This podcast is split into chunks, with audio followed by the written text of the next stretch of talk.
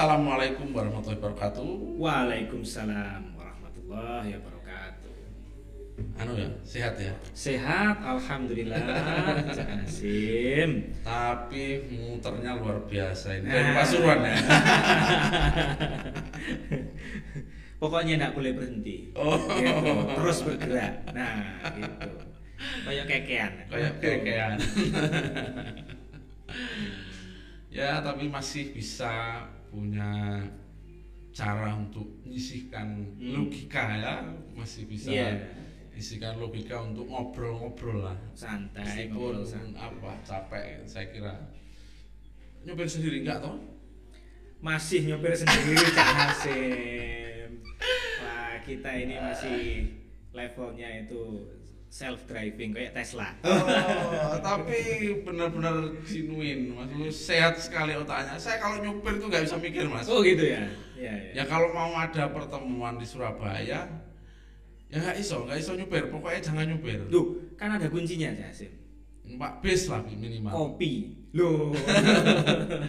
Minimal numpak bis. gitu. Kalau saya gitu. ya. Kalau nyupir wingi ana pertemuan Surabaya karo Cak Wasis, gon mobilku ngono. Waduh. Ini gak iso lah. Numpak bis saya ngono, kira-kira gitu. Memang enak gitu, ada yang nyopirin gitu kan. Ya, kalau ada yang nyupir dulu kita begitulah. ada yang nyupiri. gitu. Oke, ini mulai saja ini tipis-tipis kok nanti ketahuan ini guyonannya, Cak. Hmm. Mas Sotik Hipmi Jombang. Siap. Ngomong-ngomong Hipmi nih, ada kayak klik ya. Seperti berseteru tapi harusnya nggak bisa dibilang begitu ya. Sesama Udah. warga bangsa. Iya. Gimana Cak Komentarnya ini- apa ini? Kita ini NKRI, Cak. Kita itu mencita-citakan eh, hal yang sama gitu. kan. Hmm. Mestinya kalau kita berjuang bersama, kita Hmm. mestinya cari common enemy. Ya. Gitu kan. Sekarang ini eh, apa namanya? Ya kita berlomba-lomba lah saling membangun di bidang kita masing-masing. Hmm. Nah, kebetulan kan bidang kami ini kan usaha, gitu kan, Hmm. bidang usaha gitu kan. Jika itu dibilang pengusaha, ya kita masih HIPMI, Hmm. pengusaha muda Hmm. Indonesia. Yang di mana muda itu bukan karena usianya kan, gitu kan. Hmm. Bisa jadi karena memang usahanya yang masih muda, Semangatnya. semangatnya masih muda, Jadi gitu. ada heroik, Ada heroiknya. ada atmosfer pinginnya percepatan, pinginnya logika. Iya, ada ada masih ada mind of idealismenya. Nah, itu kan. masih orang itu segar dengan desain dan dasolen kok gak Nah. sama gitu loh. Risau dengan Oh, tidak iya. kejauhnya itu. Iya, Nah, itu.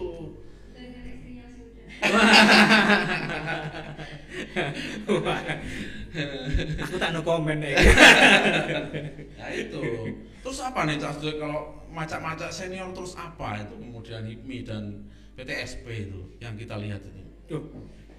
Oh iya, kemarin tuh memang ada eh, apa namanya penilaian. Mm-mm. Ya kan HIPMI diberikan mandat oleh Kementerian Investasi dan ya, Cak. ya. Mm-mm.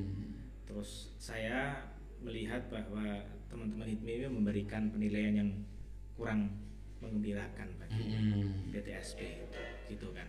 Nah, ini ada apa gitu kan. Mm-mm. Berarti mungkin di bawah itu ada masalah-masalah yang Mm-mm. Mengendap gitu kan.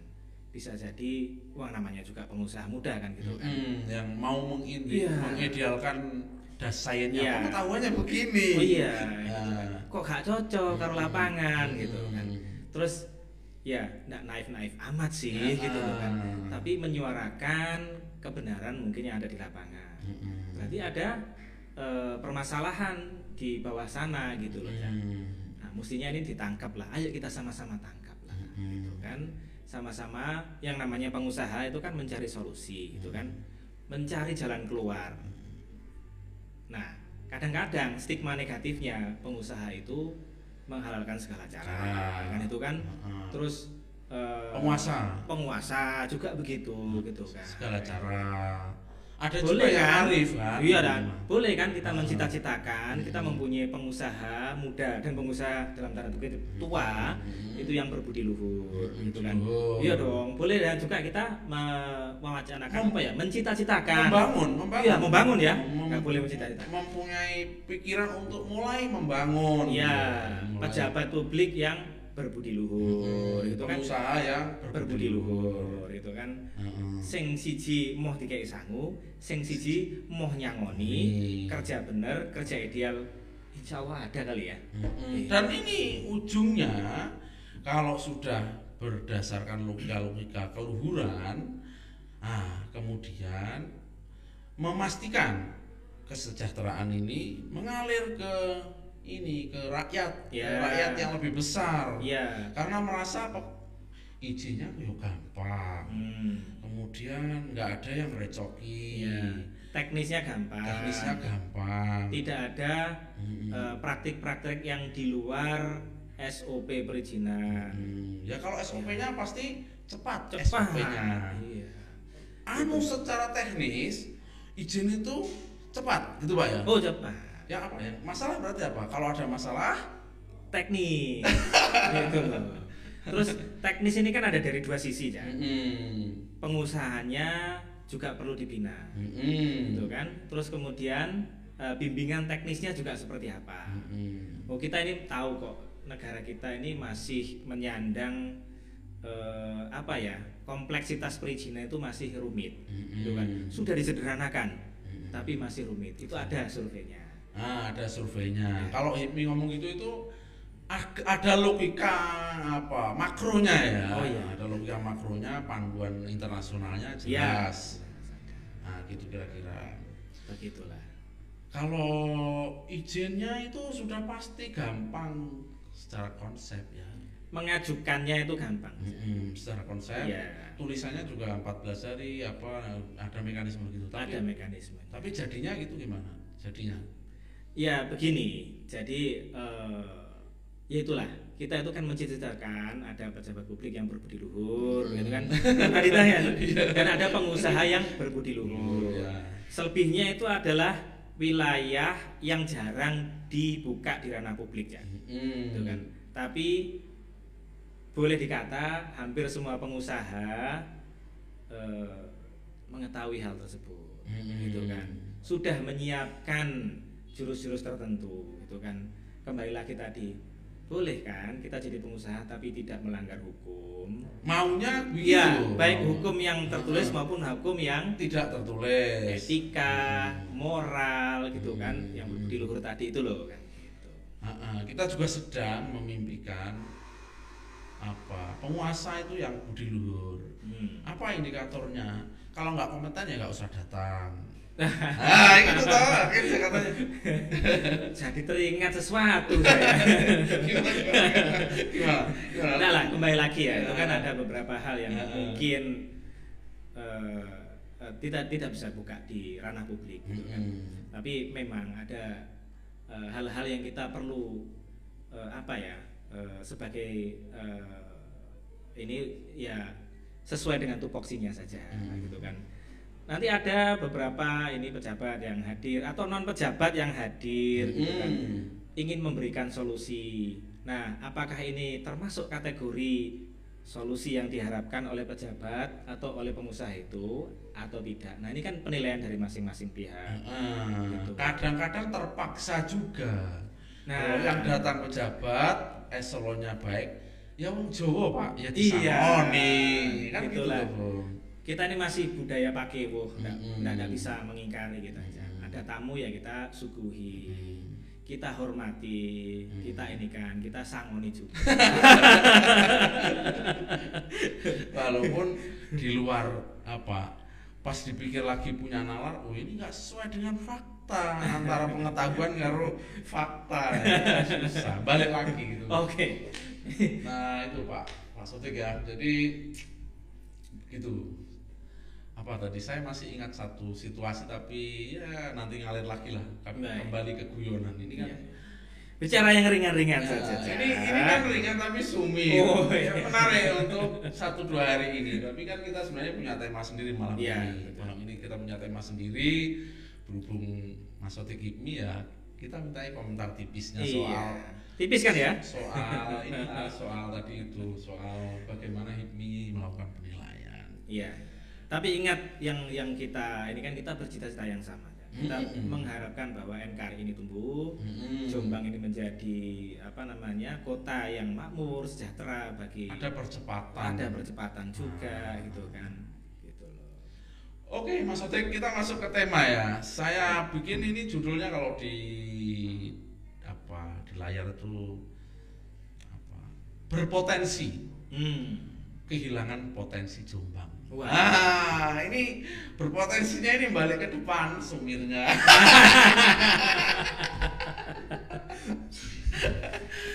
Tapi kan kita ngomong potensi aja lah. Potensi kira-kira nanti kan keputusannya kalau memang benar-benar kita akui kita sedang kehilangan potensi kan ya. Iya. Sebenarnya kita sedang berpotensi gitu. Ya kan gini kita nggak mau sahur manuk yang nggak bawa data kira-kira gitu kan. Hmm. Masa ini mau gegeran nggak bawa data gitu Iya. kan malu juga nanti lama-lama kan. Oke Mas Otik bisa mulai apa yang disebut potensi itu apa? Oh iya, ya biasanya kan kalau kita mau menyelesaikan masalah, kita Hmm. harus sadar dulu bahwa ini ada masalah. Hmm. Nah, kan begitu kita sadar masalahnya apa, Hmm. maka otak kita biasanya sudah eh, otomatis mencari solusi, Ya, kan ya. gitu kan. Nah ya. biasanya para pengusaha ini otomatis kalau yang kayak gitu-gitu, gitu kan. begitu mengakui ada masalah, terus langsung dicarikan solusi, kan gitu kan. Nah eh, kita bicara potensi ya, Jombang sendiri itu memang eh, potensinya lebih eh, potensi ekonomi pengembangan ekonomi itu Hmm. lebih ke sumber daya alamnya gitu Hmm. kan lebih ke pertanian perkebunan gitu kan kalau yang saya lihat di data statistik di Kabupaten Jombang sendiri mudah-mudahan itu dilakukan dengan apa namanya sesuai fakta di lapangan ya. Eh, tentunya begitu saya harap itu ada lima sektor tersebut gitu kan. Nah eh, hal ini biasanya eh, ada tumbuh kan para pengusaha juga tumbuh kemudian Hmm. ada investor dari luar juga ingin masuk dalam tanda kutip ingin mengembangkan juga gitu kan Usaha di sini. usaha di sini terus Hmm. kemudian eh, menular ke kesejahteraan rakyat Jombang juga gitu. Hmm. Nah, eh, tadi ya menyangkut eh, sedikit masalah soal legalitas gitu kan. Sebenarnya eh, yang saya tangkap dari beberapa rekan-rekan bisnis saya, nah ini kan eh, istilahnya lingkungan tertutup saya ya gitu kan, Hmm. adalah adanya non technical barrier, Hmm, non technical, Iya. non technical adanya halangan yang non teknis. Hmm. gitu kan. Nah, ini kalau tidak diurai kan Hmm. menjadi berbahaya gitu kan. Nah, salah satu eh, indikasinya dari grup tertutup saya adalah ada pengusaha yang enggan untuk berinvestasi di Jombang. Hmm. Nah, ini kan supaya tidak menjadi desas-desus kan harus ada datanya kita kan. Ya, ya. Gitu kan.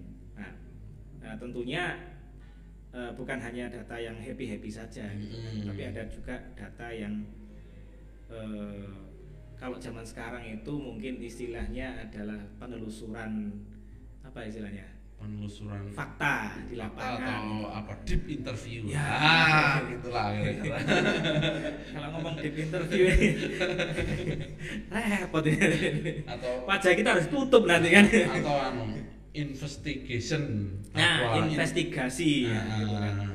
tapi ya jangan sampai wajah kita tertutup Ya, ya, gitu ya, kan ya. kita kan tadi kan Mm-mm. gitu kan berbudi luhur gitu Berbudi kan. luhur.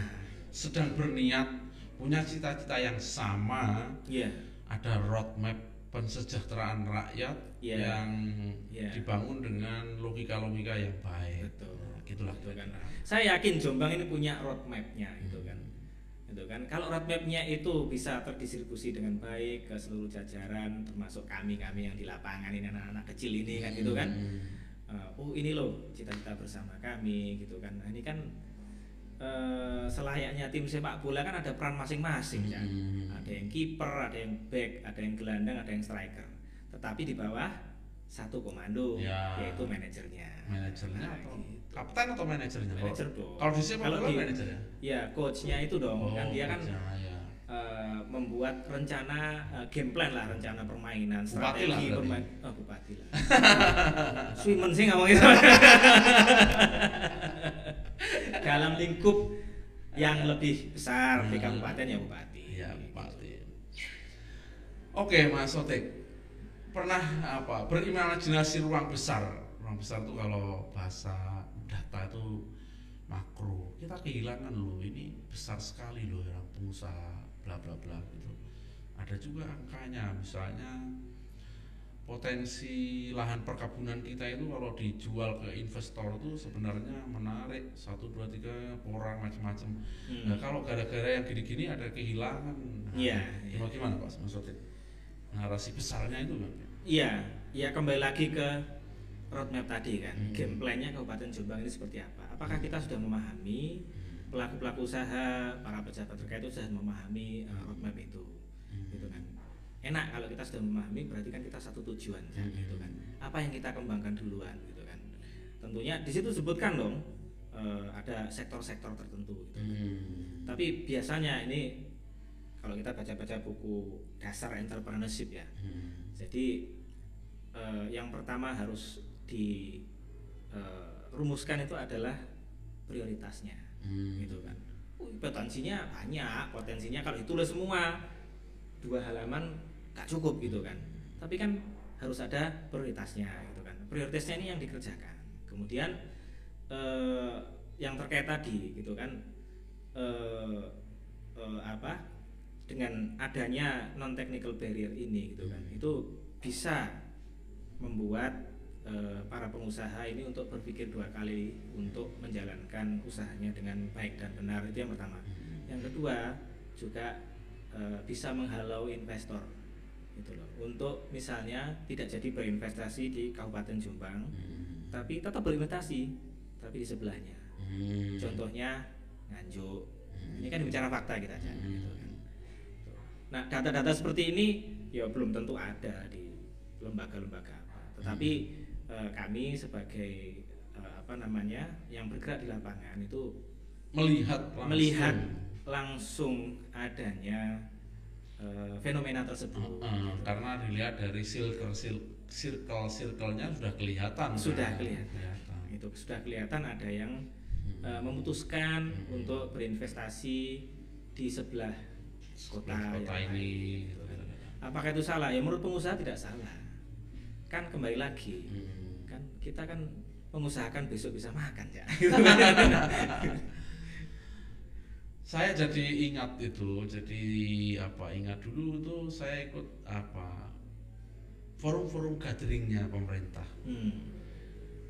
Saya kira itu yang yang menjadi fakta ya. Jadi misalnya dari gathering tahun ini ke tahun depan itu ada terma-terma, ada angka-angka yang mau diinvestasikan Hmm. dan benar-benar ruang publik yang yang mendengar sangat banyak. Tapi pertemuan tahun-tahun berikutnya itu masih sama, masih sama apa fasilitasi yang yang apa nggak tercap nggak apa nggak ter nggak terrealisasi Iya. ujungnya tapi Iya. mungkin depannya ya nggak fasilitasi yang nggak sesuai harapan apa gitu kira-kira gitu sih saya kira itu luar biasa sampai saya dengar itu museum angkot Hmm. itu mau berinvest kapal api itu mau uh, jel jedang mau nambah saya saya tahu persis tuh. Iya, iya, iya. itu menarik juga kalau sebenarnya apa ditelusuri diinvestigasi oleh mereka sendiri oleh pengusaha penguasa yang berbudi luhur Iya. nah, untuk menjelaskan hey roadmap kita ke sini jangan ke kanan kanan kira-kira gitu Iya. atau oleh HIPMI oleh HIPMI untuk mengkonstruksi persoalan Iya. ini persoalan ini bukan persoalan bisa dijawab ini secara teknik ini izin itu ya sehari jadi gitu Iya. Nah, nggak bisa begitu Iya, ya kita terbiasa, masih terbiasa kita itu eh, berpolitik ya, gitu kan. Jadi eh, banyak sekali eh, itu masih mengedepankan apa ya, eh, eh, Citra. citra Ah. gitu lah. mengedepankan citranya supaya baik gitu kan Hmm. tapi eh, dengan cara ya tentu saja di depannya harus baik peraturannya baik eksekusinya baik gitu kan lupa satu hal gitu kan Mm-mm. ketika ada masalah itu orang kita biasanya didiamkan Mm-mm. gitu loh supaya gak ketok Mm-mm. kan gitu supaya citranya baik gitu kan Nah, Tidak lagi investigasi. iya gitu kan nah kembali lagi tadi kan kalau kita mau menyelesaikan masalah kan kita harus mengakui dulu ada masalah Nah, itu itu senang. Kalau mau menyelesaikan masalah, kita harus mengakui masalah itu ada. ada baru kita carikan Ah. solusinya Kita harus mengenal masalah itu sekenal-kenalnya. Ah. Nah, baru solusi itu ada. Nah, ini mengakui saja belum terus gimana menyelesaikan? enak berarti nggak ada masalah Oh. Kalau sudah begini hal-hal yang paradigmatik ini bisa mundur bisa bisa kepukul serius. tuh. iya iya Ini kan nggak ngakui ada masalah berarti Betul, ya. betul, betul. Jadi tetap masalah itu akan timbul sepanjang kita Mm-mm. hidup kan, ya, gitu kan. Tinggal kita bagaimana menyikapi masalah itu. Kan baca-baca di buku-buku ada itu banyak seperti itu gitu kan. Bahwa ya sudah kita cari solusinya saja. Jangan Mm. memperdebatkan masalahnya apa. Mm-mm. Gitu. Kalau kita menemukan masalah bahwa masalah itu bisa jadi dari satu sisi Mm-mm. atau kemudian bisa jadi sisi yang lain juga gitu kan. Berarti tetap ada masalah. Bisa juga bisa juga sisi lain nggak bermasalah ya tapi kan ya ada masalah kan sebelah lain misalnya gitulah. Hukum alamnya itu keseimbangan ya. Ah, kalau satunya tidak bermasalah satunya juga tidak bermasalah. Mm-mm. kan ono lanang ono wadon kan gitu kan. Nek si jine ono masalah ya masalah ah, iya dong. Berarti ada eh, hal lain yang harus diselesaikan. Ada hal yang harus diselesaikan. Kalau sudah ini apa? Non teknis non teknis barrier atau ada ruang policy yang memang dipecah-pecah itu. Pecah-pecah itu kalau kita lihat kan misalnya gini sebenarnya ini di dalam konsep apa onlinenya ya gak masalah. Tapi di dinas PU misalnya di dinas-dinas yang lain nah ini kan memang kadang-kadang yo nek saya sih kemudian melihat HIPMI ini kan memang harus bupati ya. Hmm. bupati yang ambil alih. Misalnya mulai mengingatkan PTSP untuk lu ya jangan apa merasa ada ada masalah lah gitu kira-kira. Itu tuh bung Iya, dan juga HIPMI juga harus mengingatkan sendiri dong. Loh ya jangan pengusaha itu tidak ada masalah, oh ada masalah. iya oh iya Nah, gitu kan. Hmm. Nah, eh, peran regulator juga sangat penting ya, Mm-mm. gitu kan. Jadi siapa sih ya coachnya tadi dong, gitu kan. Mm-mm. Nah, kalau strikernya gak wawu karo kipernya, nah kan repot Mm. nanti, gitu kan. Harus Mm. ada eh, penyeimbang, harus ada eh, atasan eh, yang mendudukkan permasalahan pada ininya, terus kemudian mendelegasikan supaya itu bisa dicarikan solusinya, gitu. kalau kita bicara masalah-masalah non teknis, ya banyak, oh namanya saja non teknis itu. Ya Mm-mm. kita juga nggak cengeng-cengeng amat untuk mengadukan segala sesuatu itu dan ini kalau disuruh nakal bisa juga kita kan tadi balik pasalnya kan kita kan mendambakan ada pengusaha yang berdiri luhur itu loh Kak. masa sih orang mau apa namanya eh, makmur itu harus melanggar hukum kan Iya. tidak itu poinnya HIPMI pengusaha muda itu begitulah. Iya. muda semangatnya. Muda semangatnya. Gitu. idealismenya masih ada. Masih ada. Jadi ya itu apa kemudian? Narasi apa yang penting bagi misalnya benar loh ini hilang loh potensi gitu. Hmm. jadi kan Mas Otik bilang ada circle yang bisa membangun melihat fakta ke sebelah saya bisa meman- melihat misalnya ke gatheringnya ya PTSP gitu. Kalau ada nggak misalnya yang menjelaskan soal angka gitu, angka-angka, angka-angka bahwa kita memang kalau di dalam dunia percepatan bisa kita apa, bisa kita fasilitasi dengan baik akan ada potensi yang sangat besar. gitu. Iya, iya. Tentunya begitu. Nah, kembali lagi tadi eh, Hmm. prioritas kita apa sih gitu kan. Hmm. Kalau pengusaha ya di bidangnya masing-masing biasanya kan Hmm. memprioritaskan kepada eh, lingkup kecil usahanya gitu kan. Hmm. Lingkup mikro maupun makronya juga dipikirkan bagaimana gitu kan. Nah, kalau potensi daerah sendiri Hmm. eh, kita bicara potensi daerah, ukurannya apa dulu kan gitu kan. Hmm. Ukurannya ono wong sing mampir terus gak sido mangan Hmm. atau ukurannya eh, pertumbuhan daripada eh, investasi iklim investasi di Jombang. di Jombang. Hmm. gitu kan. Kalau ukurannya itu bolehlah kita bandingkan dengan pertumbuhan eh, misalnya Di Kediri. di Kediri, di Nganjuk, Nganjuk, kan gitu. nah. bolehlah. Kan ini kan kompetisi sehat. Hmm, jadi ada angka-angka yang mudah sekali di dalam dalam di, di dalam sesi-sesi selanjutnya mungkin kita akan Hmm. bisa kalau efektivitas investasi itu di angka di angka sebelum orang berinvestasi bagaimana kenaikan ya kenaikan per kapita atau tingkat kesejahteraan yang bisa diukur. Kalau misalnya di tetangga sebelah Nganjuk atau Mojokerto gitu kalau dianggap dianggap mana yang tidak efektif yang atau yang paling efektif kan udah selama secara angka itu kan? Ya, ya, ya tidak akan lepas daripada eh, aturan-aturan atau kemudahan berinvestasi di suatu daerah. Itu tidak akan lepas dari situ. Eh, pengusaha pasti akan melihat eh, eh, apa ya? Kalau di komputer itu aksesibilitasnya gitu kan, kemudahan aksesibilitasnya seperti apa gitu kan. Pasti akan melihat.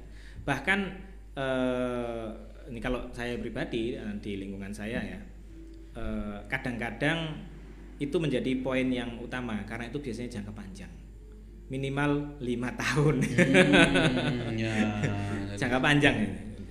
Jadi mengakuisisi sebagian persoalan pengusaha itu juga penting untuk Hmm. roadmap tujuan tujuan visi ya, Ya. tujuan tujuan kesejahteraan lah. Saya kira itu. Dan sebenarnya kalau kalau bupati atau tadi itu coachnya itu memegang prinsip kesejahteraan bagi warga kan dengan kemudahan-kemudahan itu bisa tukar nilai kan bisa Hmm. tukar nilai bisa tukar Hmm. nilai itu bisa bisa tukar kesejahteraan Iya.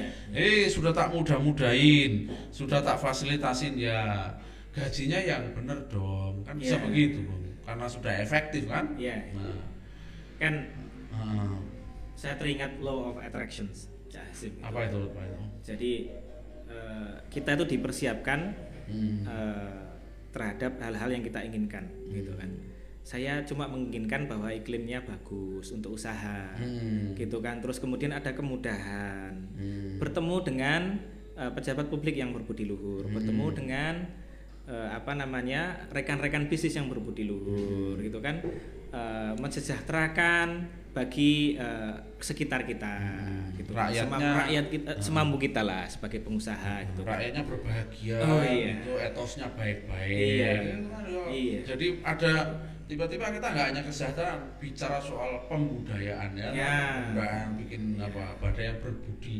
Iya, ya kan lama-lama kebiasaan ini kalau kita latih terus-menerus kan menjadi Hmm. eh, apa ya? menjadi eh, refleks gitu kan. Terus kemudian eh, ujung-ujungnya itu disebut budaya. Hmm. Kan gitu kan. Kebiasaan yang terus diulang-ulang. nah. Hmm, akhirnya orang bilang Jombang efektif. Efektif. Ah, Ah, gitu. Jombang energinya kuat. Ah, Jombang berbahagia tentu. Iya. Jombang kemudian punya etos tinggi ya. iya. bagus. Iya. Satu lagi. Berdaya saing belum. mungkin masih beberapa bahasan lagi Iya. kan. Tapi adanya kejelasan. Iya, iya, iya. adanya eh, kepastian eh, apa namanya langkah-langkah yang ditempuh Hmm. dalam eh, berusaha Mm-mm. itu modal dasar untuk menetapkan investasi biasanya seperti itu gitu kan. Artinya ciri khas pengusaha itu siji mau repot gitu loh. Ya, tapi ini Pak, Pak kasih situasinya nanti kan ini sedang berharap bupati lah Iya. ambil alih ya. Oh iya. Bupati ambil alih dan IPMI sedang berkoordinasi intens dengan saya dengar dengan DPM apa dengan BKPM ya investasi sama IPMI Jatim ya Hidmi Jatim. IPMI Jatim untuk apa apa, me- apa bahwa melihat ini persoalan harus apa menjadi semua orang kalau melihat ini persoalannya gitu kan. Iya, iya. Gitu. Gitu, Terus kemudian ya kita cari solusinya bareng-bareng Hmm. dengan satu komando. Setuju ya. Jadi peran coachnya ini satu komando gitu. Peran kalau sudah pengusaha tawadu itu menyebut bupati aja. Jadi bupati itu pejabat publik, Cak. Iya. Di dalam konsep negara sebelum ada negara. Hmm. Negara itu memang berfungsi ini me- menyelenggarakan tanggung jawabnya rasa aman Hmm. dan pelayanan sebagai warga negara. Nah, pengusaha itu warga negara. Iya.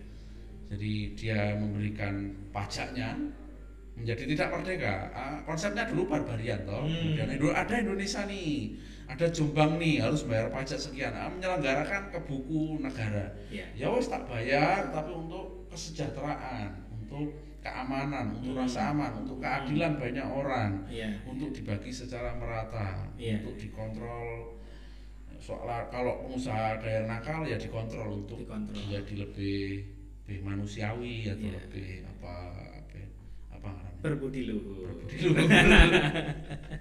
dapat dapat kata kunci kita malah ini rupanya. iya saya masih pakai mau bahasa Inggris tapi bingung berbudi luhur lebih enak juga itu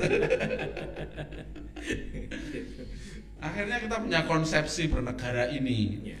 tapi kadang harus lebih penting Hmm. bupati bupati ngono pak Hmm. jangan coach gitu DPR DPR gitu. Oh, iya. Ya kita mengenali masalah ya. mengenali masalah, menyebutnya dengan vulgar eh, supaya kita tahu bahwa itu masalahnya. Oh, iya, gitu iya, kan. iya, Terus iya. kemudian kita carikan solusinya. oke oke jadi begitu ya Iya.